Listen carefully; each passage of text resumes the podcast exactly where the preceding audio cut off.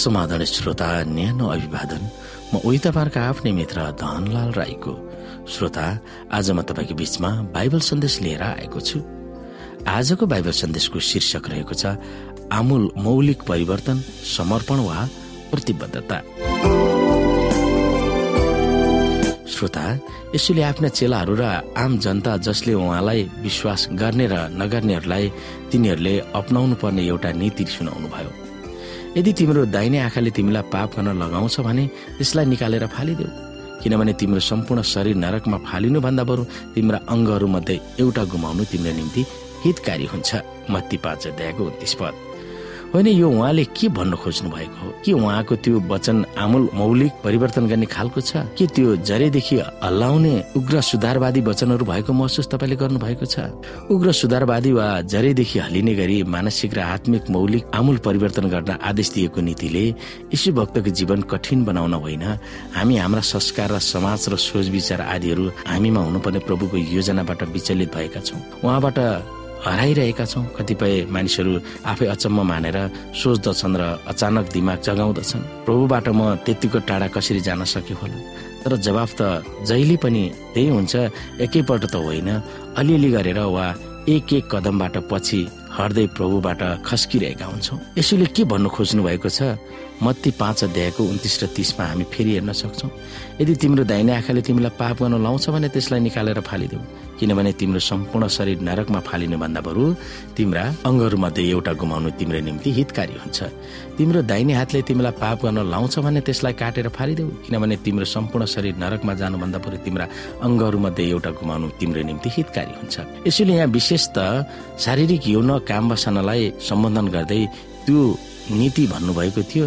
तिमीहरूले यसो भनेका सुनेका छौ तैँले बेविचार नगर। तर म तिमीहरूलाई भन्दछु जसले कोही स्त्रीलाई काम बसानाको इच्छाले हेर्दछ त्यसले अघिबाटै आफ्नो हृदयमा त्यससँग व्याविचार गरिसकेको हुन्छ। तर उहाँले भन्नुभएको नीतिहरूमा केवल यौन बासना मात्र होइन अरू पाप र खराब तत्वहरूलाई पोसिराख्ने प्रवृत्ति वा मानिसको चाहनालाई पनि सम्बोधन गर्नुभएको थियो। यदि ती नीतिहरू हामीले प्रयोग गर्न सक्यौं भने ख्रिस्टमा बढ्ने अरू आयामहरूमा पनि लागू हुन्छ। यहाँ मत्ती पाँच अध्यायको उन्तिस र तिसमा के निर्णायक कदम चाल्न यसुले हामीलाई भनिरहनु भएको छ कि हामी शारीरिक रूपमा आँखा हात आदि काटेर अङ्ग भङ्ग होस् भन्ने उहाँको चाहना हो त? यस विषयमा हामी हेर्न सक्छौ।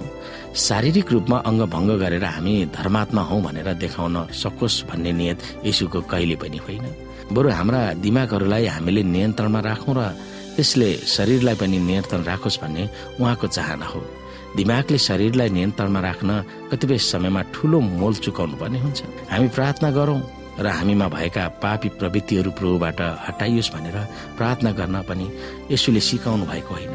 कहिले काहीँ प्रभुले उहाँको अनुग्रह र सदा सहायता अप्नाएर त्यो काम त गर्नुहुन्छ नै। तर प्राय जसो हाम्रै सक्रियतामा मौलिक आमूल परिवर्तन गरी कतिपय कुराहरूलाई त्यागेर उहाँप्रति समर्पित हौ भन्ने उहाँ चाहनुहुन्छ कतिपय समयमा केही गर्न नचाहे तापनि आनाकानी गरेर आफूलाई मन पर्ने पापलाई खेलाइरहनु चाहे तापनि हाम्रै भावना प्रतिष्ठा आदिमा धक्का परे तापनि हामीले नै के गरौँ भन्ने आत्मनिर्णय गर्न आवश्यक छ।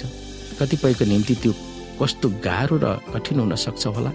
तर जति जति हामी ठिक निर्णयहरू गर्दछौँ त्यति त्यति हामी बलियो हुँदै जान्छौँ र हामीलाई पापमा फसाउने तत्त्वहरू कमजोर हुँदै जान्छ।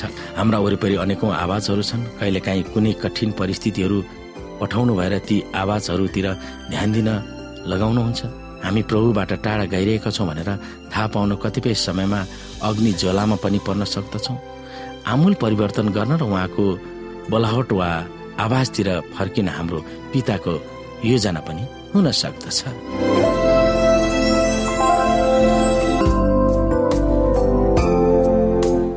श्रोत साथी आजको लागि बाइबल सन्देश यति नै। हस्त नमस्ते जय मसिंह।